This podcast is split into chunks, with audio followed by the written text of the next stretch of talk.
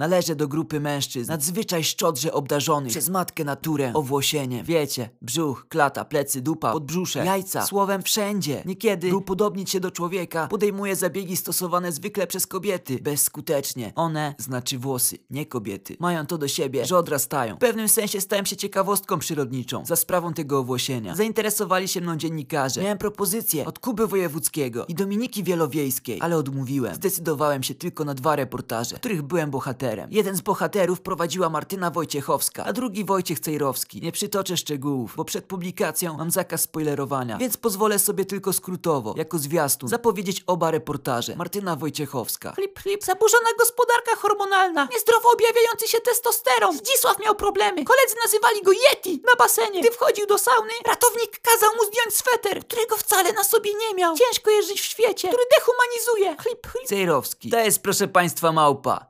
Pan się przesunie. Darwin może i miał rację.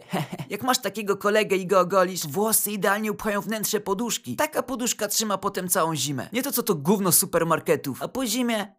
Bo zimie, proszę państwa. Paweł znowu zarasta i znowu go można ogolić. Będzie na kołderkę na późne, letnie wieczory. Dziękuję panu bardzo. Rąsia, od Martyny Wojciechowskiej otrzymałem talon na ubrania z Czerwonego Krzyża i obietnicę, że jak życie dalej mnie pokopie, to zostanę jej maskotką. Pan Wojciech wręczył mi natomiast paletę yerby mate i obietnicę czterech zdrowasiek mojej intencji. Czasem te włosy się przydają.